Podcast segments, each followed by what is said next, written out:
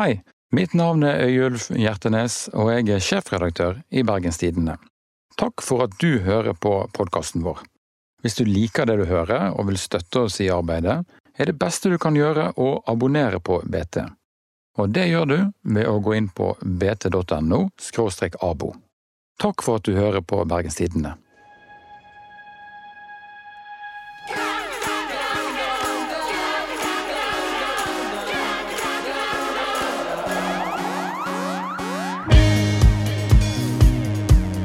Du hører på Republikken, en podkast fra BT Kultur. Mitt navn er Kjetil Lullebø. Jeg er journalist i Bergens Tidende. Med meg har min kollega, kollega Gura Bergesen. Hallo. Hallo, går det fint? Det går bra. Og så eh, har vi med oss to eh, flotte gjester. Eh, Vi har med oss forfatter, teatersjef og odding Marit Eikemo. Går det fint? Det går fint. Du slipper din, bok, din nye bok 'Hardanger' i disse dager. I dag, faktisk. I dag er det dag han kommer. I dag onsdag når vi spiller inn. Ja. Har du kontroll? Er du, er du nervøs? Nei, nei, jeg er ikke det. Dette går greit. Det går greit. Og så har vi med oss eh, Bjørn Tomren. Eh, Når jeg skulle liksom sammenfatte eh, Bjørn Tomren, så kom jeg egentlig til kort. Så jeg tenkte for første gang her i Republikken så må jeg bare lese litt høyt fra Wikipedia. For det, det, det er så det er veldig, det en veldig bra Wikipedia-side.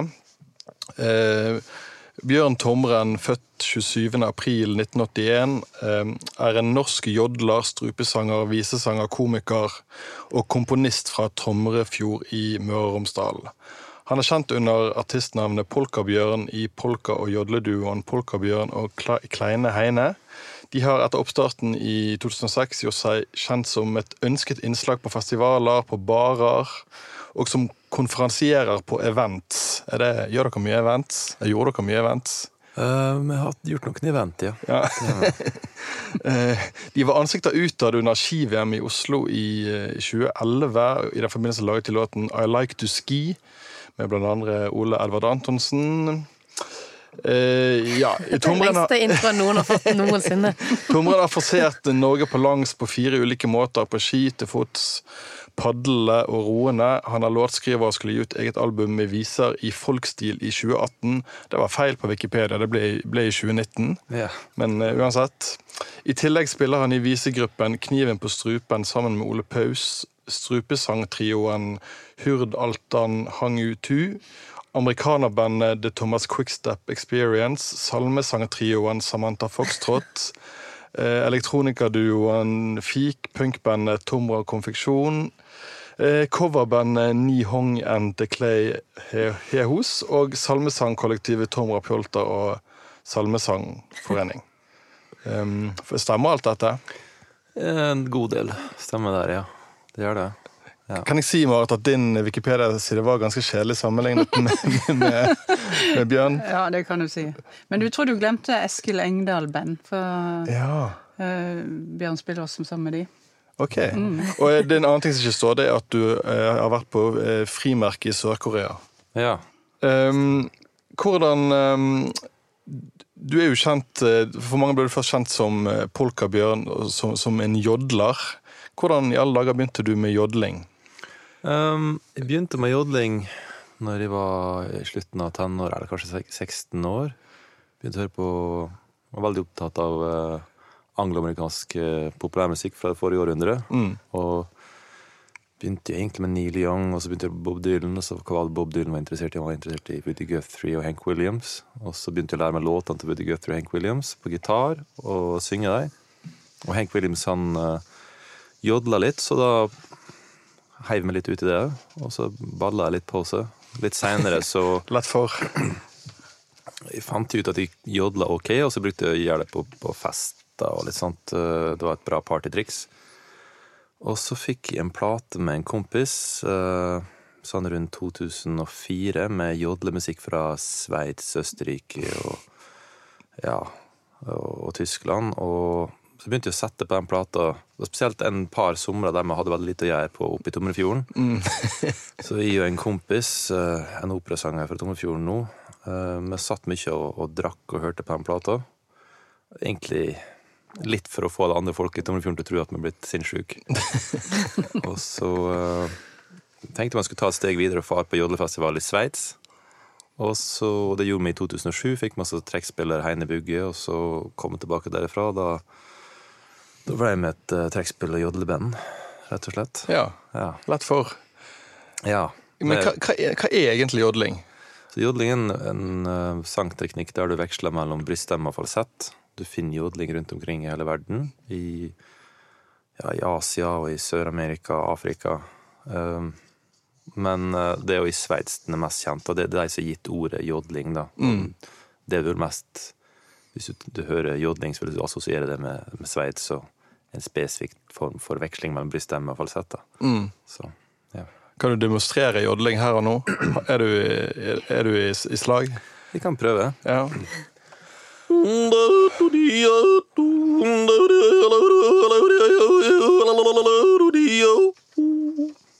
Det er veldig imponerende. Fantastisk. Takk. Kan du jodle, Marit? Nei, jeg kan ikke det. Men har du noen andre eh, kvaliteter som eh, skiller seg litt ut i mengden? Slik jeg vil si at jodling gjør. jeg kan ikke matche Bjørn på noen ting. Så jeg tror vi bare lar den ballen ligge. men, eh, men eh, ja, jeg driver jo med litt forskjellige andre ting, da. Men denne jodlingen har jo virkelig tatt deg eh, alle mulige merkelige steder, eh, Bjørn. Eh, Jeg fant en artikkel her om at du hadde du endte opp med å jodle på snooker-VM for noen år siden. Ja. Hvordan For du er også snookerinteressert. Ja, jeg er veldig glad i biljard eh, og biljardsporten. Og da er jo åtte ball og ni ball og snooker, og så har jeg vært mye på Kong Oscars her i Bergen og spilt biljard. Og så har jeg Det begynte egentlig med at jeg gikk Norge på langs i 2008, og gikk jeg med en kompis som heter Endre Ruseth. Og eh, han var veldig interessert i snooker. Så av, når vi gikk da, så kunne det av og til bli litt sånn at eh, det ble stille en god stund, og det var veldig fint. Men av og til tenkte jeg at det var greit å, å få til gang en liten samtale. Og da kunne jeg for stille spørsmålet som eh, hva er dine topp eh, ti snookerspillere? Da kan han holde deg gående i timevis. vi kom tilbake i 2008 fra Norge på langsturen. I oktober, slutten av oktober så gikk det en snookerturnering på fjernsynet. I, eh, så satt de bare hjemme i Tomrefjorden la med min far, som var sjukmeldt på det tidspunktet, og, og så på snooker. Og så ble jeg mer og mer interessert. Og så nå siste åra så bruker jeg far på år på verdensmesterskapet i snooker Ja. i Sheffield. Og i den anledning så traff jeg eh, Ja, så ble jeg Jeg husker ikke helt omstendighetene, men jeg traff i hvert fall han eh, en som introduserer alle spillerne til ved inngangen. da. Og, og jeg jodla for han, og så ville han at jeg skulle inn og jodle på verdensmesterskapet. da. Så det er litt tilfeldig, akkurat den biten der, da. Hvordan reagerte folk i, i Sheffield på jodling? Eh, Nei, det var vel vantro, og kombinert med litt glede, kanskje. Eller litt forargelse. Eh, Du, eh, Marit Eikemo, du er jo nå um, um, Du er jo nå en respektert forfatter. Men en gang så skrev du i Bergens Tidende. Ja, før det. Ja, det var en spøk. En redaktør, hvis dere hører på, det er ingenting som er bedre enn å skrive Bergens Tidende. Men jeg fant en, en tekst du skrev um, En veldig sint tekst eh, du, som hadde tittel 'Heller død enn rød'. Altså rød E. Eh, Og ingressen er 'Dette er ikke ei spissformulering. Dette er et personangrep på Torbjørn Røe Isaksen'. Du kan skrive en hel tekst om hvor dust du syns eh, Torbjørn Røe Isaksen var. Dette var i 2005, tror jeg, når han var leder i Unge Høyre, som du ikke virket så veldig glad i heller. Eh, Nå er jo han næringsminister. Hva, hva var det som fikk deg til å det, Husker du teksten, forresten? Ja, jeg husker det, husker det veldig godt, at, eh, men han var jo veldig irriterende på den tida. Det jo, må jeg vel lov å si. Og han hadde vel et sånt slag, eller Unge Høyre hadde sånn slagord som 'heller død enn rød'. Ja. Sant? Det var jo det som var utgangspunktet, og det, det var veldig sånn mobbete i stilen. Så dette var jo på en måte et motsvar eh, mot det. da. Men eh, litt overraskende, da, etter noen år, så skulle de ha en sånn eh, festskrift for Torbjørn Jeg har truffet ham mange ganger siden, altså. Vi har en god tone. Dere har blitt venner. Ja, ja. Eller så langt kanskje ikke, men iallfall Eh, Da var det en kollega av han som skulle eh, markere dette jubileet, enten at han skulle slutte i Unge Høyre eller et eller annet, jeg husker ikke. Om, eh, og de hadde lagd et festskrift om de kunne få trykka den teksten. Eh, Og der sa jeg ja, jeg må jo gjerne trykke, men jeg vet ikke hvor glad han blir for det. jo, det ville de absolutt. og da fikk jeg tekst, eh, test, eh, festskriftet tilsendt etterpå, da. Og da med hilsen fra Torbjørn Isaksen at han ble skikkelig lei seg når det sto på trykk, men han hadde også lært mye av det, så skulle nå ha takka likevel. Så han hørte på deg på et vis. han sa iallfall det. Men Ja. uh, han er en fin fyr. Jeg har som sagt har god, god tone med han eh, nå. Eh, Du slipper jo, som du nettopp sa, i dag faktisk din nye bok som har det enkle og greie navnet Hardanger. Hva, um, som er en novellesamling. Hva var det som fikk deg til å håper å si, vende tilbake til Hardanger i, i litteraturen din? Uh, nei, det var vel uh, uh, Nei, altså hvis du kommer fra Hardanger, så du, har du jo det alltid i deg, på en måte. Og så Det ble liksom bare sånn at jeg så at jeg holdt på med flere ting samtidig med som hadde med Hardanger i seg, og da vil jeg lage flere novellesamlinger. Som, men det er novellekrans, unnskyld, som, han, Ja. som gjør at disse tekstene henger liksom litt sammen. Mm. Uh, og det er Nei, det det er noe jeg, lik- jeg har veldig sånn sans for Hardanger, og for det suverene med altså disse grunneierne der inne. Og veldig sånn suverene holdningen til livet. Til det å ha mye eiendom. Sant? Det er Aukans eh, fjell, sånn type sånn som de snakker. Og ha den type suveren innstilling, det tunge ansvaret knytta til eh, altså, tradisjon og odel, eh, kombinert med en veldig åpen og moderne eh, livsinnstilling som mange av de har, det syns jeg er et utrolig spennende utgangspunkt for å si noe om eh, eh, samtida. da. For det er jo vanlige sånn som, Det er jo samtidstekster, sånn som jeg får se Hardanger og Norge i dag, da. For det du, du, De siste årene har du skrevet mye om eh, Du har skrevet om eiendom, men kanskje på en litt annen måte. eh, om om eh, mer sånn kanskje når man ser for seg i bystrøk. Og du er blitt omtalt som Jeg tror NRK som skrev at Eikemo er kjent som en av de skarpeste observatørene av vår, vår tids tendenser. Hvilke tendenser er det du liksom Hvilke tendenser er det du observerer? ja. Hvordan ble du den skarpe observatøren av vår tids tendenser? Hvordan blir man det? Nei, eh, nei jeg vet ikke helt eh, eh, Nei, jeg føler meg ikke som en sånn veldig sånn skarp observatør av vår tids tendenser, men jeg er jo i Jeg føler meg veldig sånn til, til stede i i dette samfunnet, da, og som en eh, deltaker veldig sånn Liker å på en måte være eh, sterkt forankra i det som skjer, på en måte. Sånn at eh, jeg er ikke sånn at jeg sitter på avstand og ser 'Å, for det var en interessant tendens'. Jeg er jo på en måte en del av det, eh, og liker å kjenne det veldig så, på kroppen sjøl, da. Mm. Så det er veldig sånn erfaringsbasert også. Mm.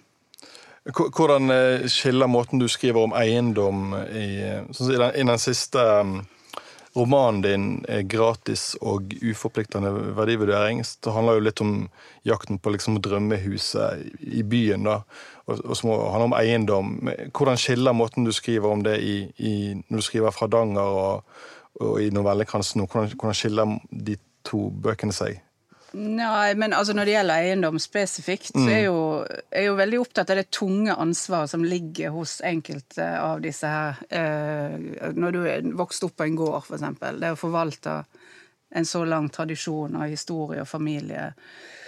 Eh, arv, da. Det, det er et tungt ansvar som er ikke vi har på samme måte når vi kjøper og selger boliger og pusser opp kjøkken og sånn her i byen. Så det, eh, samtidig så er jo det med tilhørighet like viktig for eh, for de som for, for Eller for oss også. Det jo, og det er jo kanskje det Altså kombinasjonen der ønsket om å høre til, ønsket om å være en del av dette fellesskapet, denne tradisjonen, dette, alt dette tunge, og så på den andre sida ønsket om å bryte ut og være seg sjøl og realisere seg sjøl. Det er den konflikten som jeg er opptatt av, da. Eh, Men det er jo en av de, det er jo et par der, for eksempel i, i den siste boka, som er, har fått oppnådd alt i denne Mm. boligkarrieren. Uh, Så nå, det, det som de nå vil, det er jo å reise til Hardanger og kjøpe et småbruk. Og de ønsker å forplikte seg til tradisjonen. De har oppnådd alt. sant? Og nå blir disse 50-tallshyttene på Askøy det blir for smått. Det blir puslete. De vil inn i en litt sånn tyngre materie og føle et ansvar som er, går utover de sjøl. Mm. Så de skal på visning. Ja. Kjenn ingen eh, anger for meg, Hardanger, begynner boken med. Fritt etter Håkan Hellstrøms 'Kjenn ingen sorg for meg, Gøteborg'. Hva, det, hva, hva anger er det du skriver der, eller var det bare et gøy ordspill? Ja, nei, det er jo en kombinasjon. Det er jo en gøy ordspill. men det er jo også eh, at eh, Nei, men altså, vi blir jo den vi blir, på en måte. Det er vel litt eh, Det er vel litt det. Mm. Du har jo drevet med eh, si, humor og sånn, Bjørn. Men din debutplate 'Bad Science Fiction', som kom her nettopp, den er jo egentlig ganske seriøs.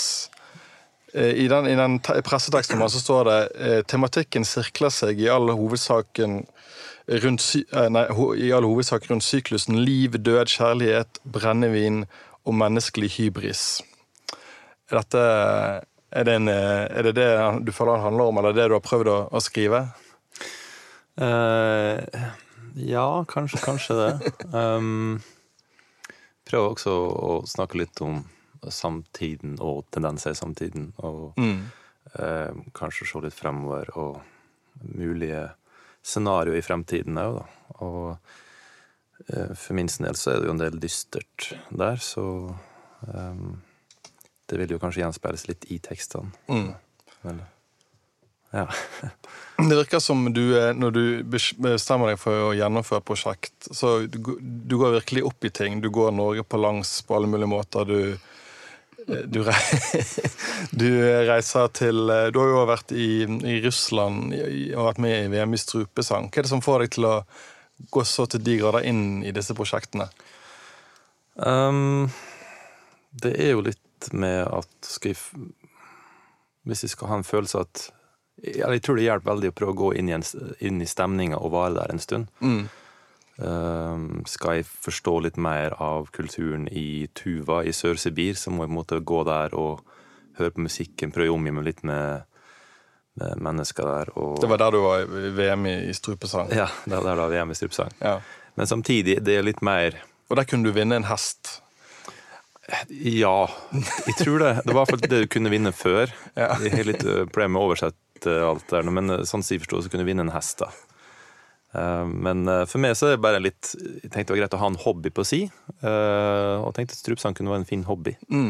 Ja, så eh, Men eh, i musikken, når jeg skriver låter til, sånn som til det nye albumet, så er det, så er det på en måte å prøve å gå inn i, inn i melodien og, og prøve å sitte med teksten og få den så bra som mulig over lang tid. Da. Og jeg vil prøve å ha et eller annet på hjertet når jeg først skal, skal slippe noe. Da. Hvordan var det å være med i VM i strupesang? Eh, Det var veldig mange ting. Det var en veldig dårlig organisert festival, var det. Så det... Nå, er- nå er vi altså på, i, i Sibir på grensen til Mongolia. det stemmer. Ja. Um, det var veldig spennende, selvfølgelig. Det var veldig mange strupesangere, eh, spesielt fra Sibir, Mongolia eh, og Tuva og andre plasser rundt Kakasia osv., men òg rundt omkring i verden, som kom for å delta på denne festivalen her. Og så var det etter hvert en del ting som uh, Mer sånn storpolitisk spill, da. Mm. Russerne vil på en måte ikke at tuvinerne skal ha en veldig sterk nasjonalfølelse. Eller vil ikke oppmuntre til det, så de, de setter litt sånn eh, stikker litt kjepper i hjulene på tuvi- tuvinerne som arrangerer festival. Og de er jo dårlige å arrangere festival i utgangspunktet, så det ble mye venting. da. Det var mange gigger hver dag, og så opptredener, og så måtte du bare vente. da. Nå skal vi på scenen. og jeg bare venter, Det er fem minutter du skal på scenen, og så står du der sånn i tre timer. Så sier jeg litt, «Ok, jeg må gå og få meg litt mat. Nei, nei, du skal på scenen nå.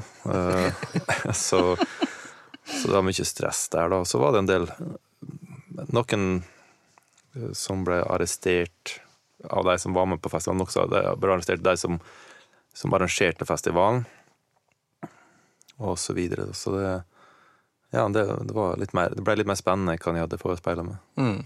Og så Men du vant, du vant ingen hest? Nei, jeg deltok i klassen uh, Throat Singing with a Modern Twist. Ja. Jeg tenkte jeg skulle ha en sjanse, så måtte jeg For jeg, for jeg kan ikke jeg kan ikke tuvinsk, og jeg kan ikke drive og synge de gamle tuvinske tradisjonelle låtene, så jeg måtte bare komme opp med noe eget. Så da blanda jeg inn litt jodling og, for å prøve å vinne gunsten til dommerne. Mm. Og eh, det funka for så vidt bra, det, men så ble jeg diskvalifisert eh, etter hvert, da.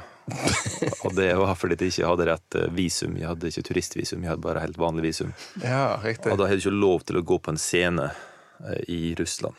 Eh, Det er noe med Angivelig så, så gikk Bjørk på scenen i Kina en gang og, og sa 'Free Tibet' eller mm. noe sånt. Og da, etter det, så jeg må jo ha et veldig sånn strengt kulturvisum i Russland og Kina og en del litt strenge plasser Ja. for, å, for å få lov til å ytre det. Men jeg fikk lov å gå på scenen, men jeg fikk ikke lov å ta imot min premie. Da. Jeg fikk beskjed om at nå skulle det sånn seremoni, premieseremoni. Du skal delta, du skal få noe. Og så kom jeg til seremonien, og så, så uh, sa min tolk da at eh, midt inn i den seremonien at eh, beklager, du kan ikke, jeg fikk nettopp en SMS, du kan ikke gå på scenen. Uh, russisk sikkerhetspoliti eh, nekta deg å gå på scenen. Ja. Har du noe- opplevd lignende, lignende ting på litteraturfestivaler? At du ble, kom i trøbbel med politiet? Ja, jeg vet ikke, men vi var vel eh, meg og deg var jo på en felles eh, julebord her. Der, det var en som eh, ble trua med å bli politianmeldt etter Damenes tale, faktisk. Oi! Ja, ja, ja. Yes. Mm, så Wow. Dette vil jeg gjerne høre mer om. men Jeg vet ikke hvor mye du kan si. meg damenes tale, og det var nokså sprøtt opplegg, men at den skulle bli to Jeg fikk ikke med meg at den ble et politi. Eller noe. Nei, den ble trua med det. Men, uh, men det er godt. Vi skal jo til Odda begge to snart, så da Ja. får vi oppleve litt mer organisert uh, festivaldrift. Nye sjanser. Mm. Jeg tenkte vi skulle snakke litt mer om det etterpå, men du har jo eh, etter din eh, I forbindelse med en av disse, dine turer på Norge på langs, så hadde vel du og han ene du gikk med Det var et- poeng at dere skulle være i dårligst mulig form før dere begynte å gå.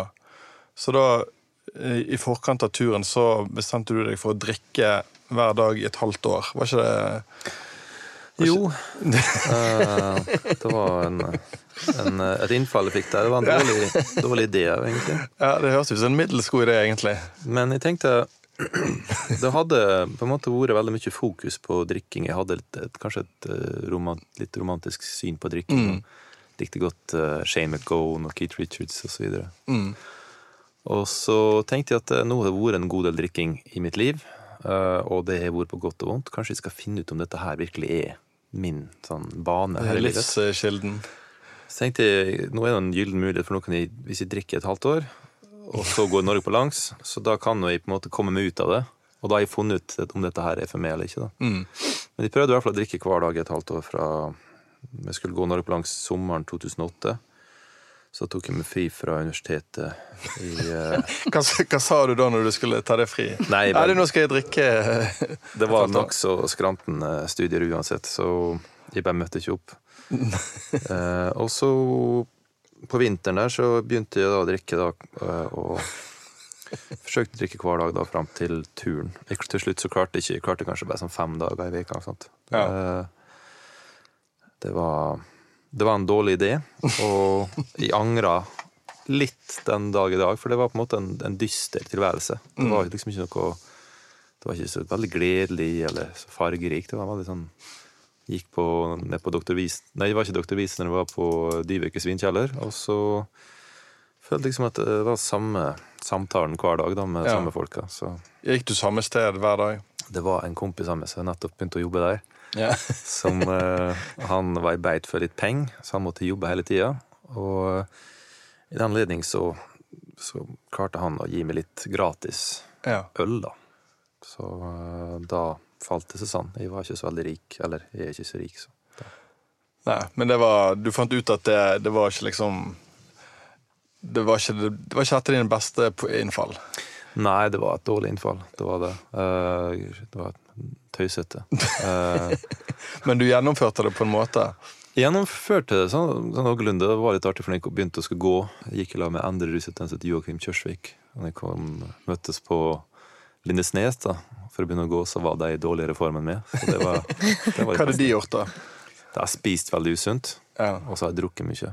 Uh, men jeg bodde jo oppe ved Alrek, så jeg måtte jo gå ned til byen. ja. Og så opp igjen til Alrek hver dag. Så ja. Så du fikk en slags uh, trim? ja, jeg fikk en slags trim. Men jeg tenkte, Du eh, sier at det var en sånn romantis eller kanskje en sånn romantiserende idé. da.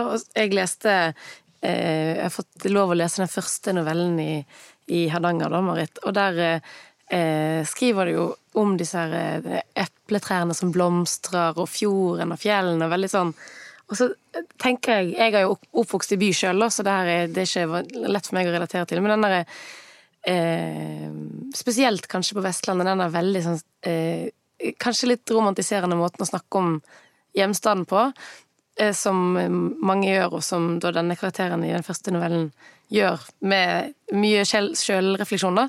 Men, men dere flytter jo aldri hjem. Nei, altså, jeg kommer jo fra Odda. Det jo, har jo aldri blitt definert som en del av Hardanger. da. Bare sånn at det er sagt. Det blir, har jo, som Frode Grytten sier, så er jo Odda blitt definert som feilstinget i Hardangersaumen. Så dette er liksom litt min, eh, min hevn. men, eh, nei, men det er jo klart, hvis du kommer fra Hardanger, så kommer du jo, da er det jo all grunn til å være fornøyd og skryte av naturen. Så det er jo ikke så rart.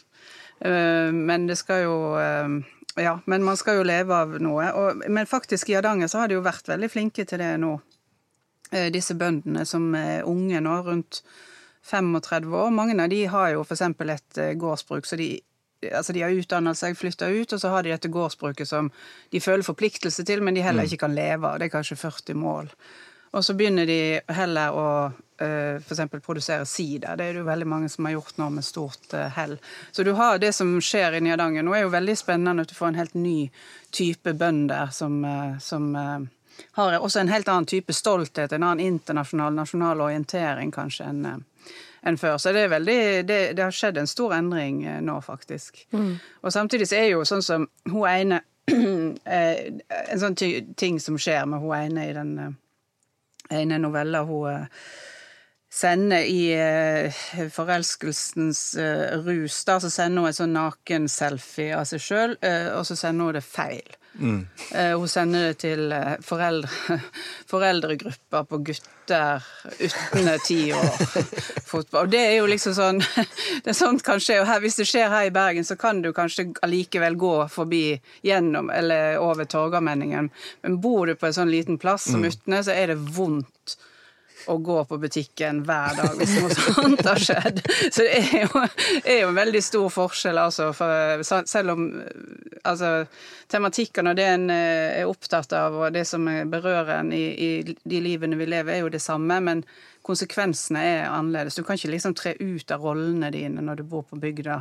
Eh, der er du den du er hele tida, liksom. Og det er jo for veldig mange unge folk så er jo den frihetslengselen mot å kunne sjonglere, være litt her og være litt der, være litt sånn Nå er jeg på jobb, nå er jeg på fest. Eh, altså den eh, Jeg tror den eh, Det behovet er veldig sterkt hos veldig mange, da. Eh, Det er mye enklere å ha en semialkoholisert tilværelse her i Bergen enn på bygda. ja, det er klart. Men nå har jo vi vært litt inne på eh, Hardanger og Odda, men eh, kommende helg når vi spiller inn, er jo det litteratursymposiet i eh, Odda. Eh, Norges beste litteraturfestival ifølge noen. Eh, jeg snakket med litt med Henrik Bergsvåg her om, om festival, og han kalte det Han omtalte festival som de norske litteraturfestivalenes nachspiel. Fordi der kan det skje veldig mye rart.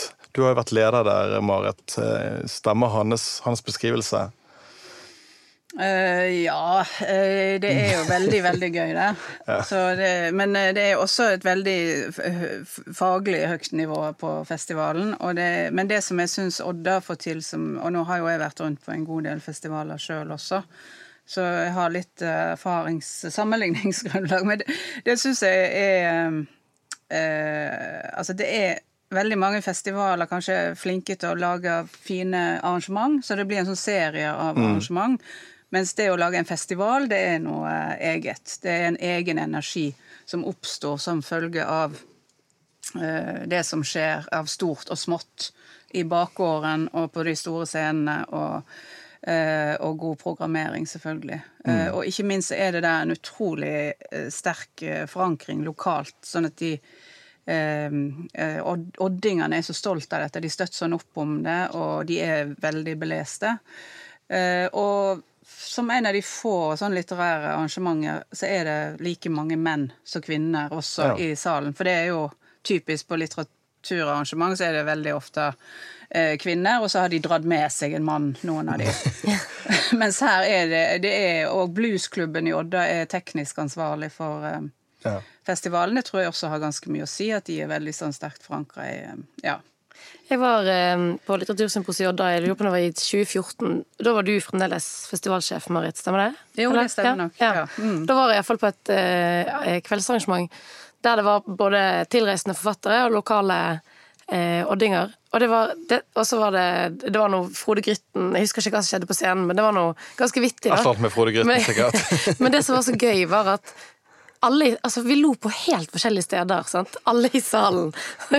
Så disse eh, folk som var eh, forfattere som var en del eldre enn meg, lo på ett sted. Jeg lo på ett sted, og så yngre oddinger lo på ett sted. Altså, Vi lo ja, Det var en veldig fin opplevelse, da, for folk satt liksom og fniste over hele, hele salen. Og det var synlig at det var, ja, det var en slags symbiose der mellom ja.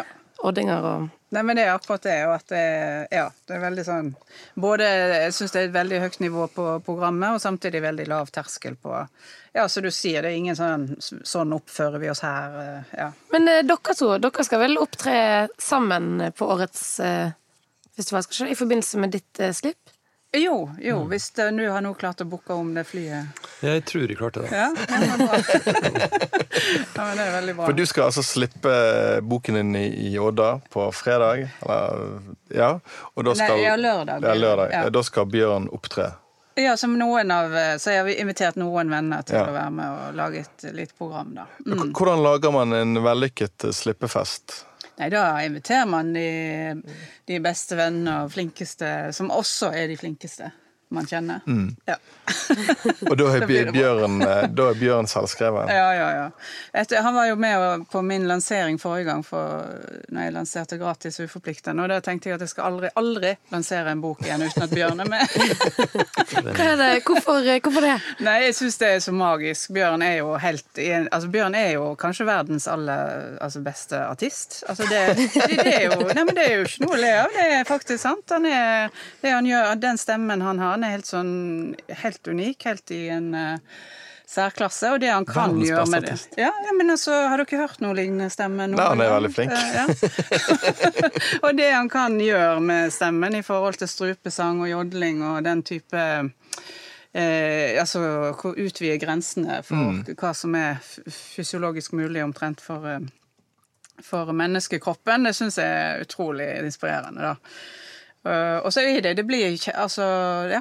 Jeg vet ikke hva jeg skal si. Jeg. Det, Hvis det hadde vært sånn uh... og så er han veldig hyggelig å ha i nærheten. da. Altså, alltid koselig og kjekt der som Bjørn er. Så ja, det blir ikke alltid bra fest. Hvis det hadde vært vanlig med sånne blurbs på platecover Det er ikke så mye plater lenger, men vinyl, kan man ha sånne blurbs. Sånn uttaler, så da kan du, du, kan du ha verdens beste artist, Mate Eikemo. Ja, um, ja. Siden vi har to uh, Siden vi har verdens beste artist her, ifølge Marit, og uh, en av de skarpeste observatørene av vår samtid, så tenkte jeg at uh, de må komme med noen tips til lytterne. Noen kulturtips. Um, har, eh, vi kan begynne med deg, Bjørn. Har du noe du vil tipse våre lyttere om å finne på, lese, se, høre, eller noe annet? Hmm. Eh, kanskje du skal begynne med Marit. Ja. Jeg kan godt begynne, for jeg var også på uh, Raskolnikov på det Vestlandske teater, som det nå heter. Ja, Men det går ut før denne podkasten. Nei, Nei. fordi Det at eh, det går akkurat. Jeg tror lørdag er siste. Ja, Ja, lørdag er det er jo eh, verdens beste roman, og det er helt fantastisk Det er altså for, forbrytelse og straff ja, ja, og Dostojevskij. utrolig flott eh, skuespillerkunst. Sånn at den må alle få med seg hvis de, hvis de har da vel drøye fire timer til, til disposisjon. Fire og en halv time. Ja, jeg sa den i går. Ja. Ja, sant, det var flott. Ja, det var Ja. Det var, ja. det var intenst. Det er intenst. Bjørn, har du noe tips til våre lyttere? Hmm. Jeg på en måte falt litt av. Jeg har vært så mye ute og reist i det Jeg vet ikke helt hva som, som skjer i byen. Uh, det var alltid en fornøyelse å gå ned på Kong Oskars biljard, selvfølgelig. Biljard på Kong Oskar. Um, det er ikke Oselva-verkstaden, kanskje, på, på Os. Det er jo en uh, Ja. ting de fleste burde få med seg, egentlig. En eh, jeg er veldig glad i Oselveren, så ja. Biljard og Oselveren. Ja, nettopp. Men det, det er bra tips. Det er en, en kompis som ga ut en plate for litt siden som heter Robert Wenstrøm. En svensk visesanger som bor her i byen. Ja. Og ja, syns folk kunne høre på han der. Det er en del fine ting der. Han er en veldig flott visesanger. Da tror jeg jeg skal si tusen takk til våre gjester. Eller først takk til deg, Guro. Å, Takk til Bjørn Tomren, og takk til Marte Eikemo. Men til slutt, vi pleier, pleier å spille litt ny musikk. Eh, og jeg tenkte jo vi kanskje skulle spille en låt fra din debutplate, eh, Bjørn. Ja. Eh, da hadde du valgt ut en låt. Hva, hva vil du si om den? Hva handler den om? Jeg valgte en låt som heter Last Girl in the World. Um, Jeg skjønner litt hva den handler om når du, du sier tittelen. Ja, den er da, så teksten, Det er jo litt sånn utilgjengelig opplegg, egentlig. Men eh, jeg var inspirert av en eh, film av Werner Herzog, blant annet som heter Low and Behold, Mm. om internetts historie. Dette er Bjørn Tomren med The Last Girl in the World. Mitt navn er Kjetil Ullebø. Eh, Denne podkasten er produsert av Henrik Svanevik. Vi er tilbake fredag om to uker. Ha det bra! From east I drew, through a fluorescent blue.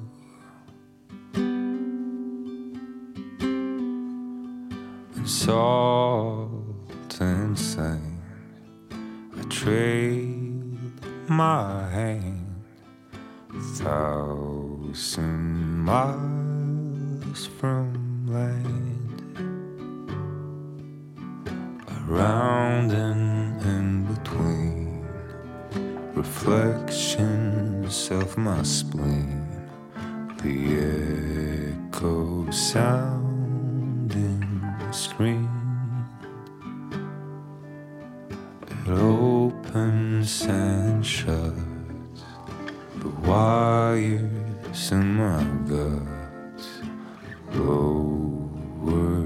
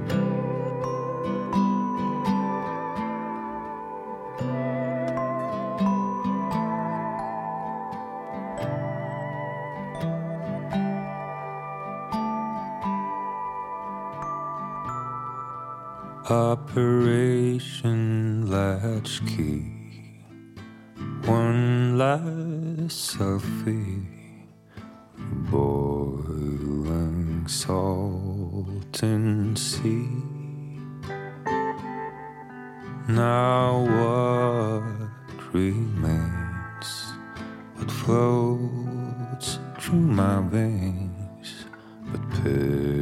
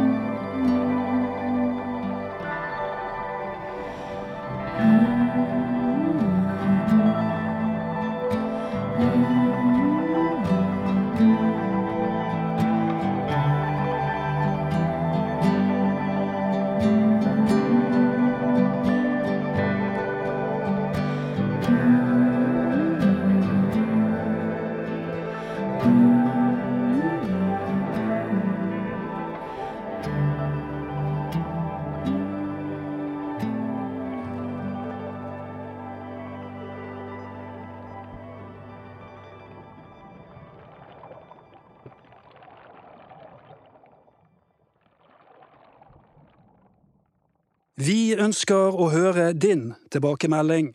Meld deg inn i vårt podkastpanel på skipsstedpanel.no slash podkast.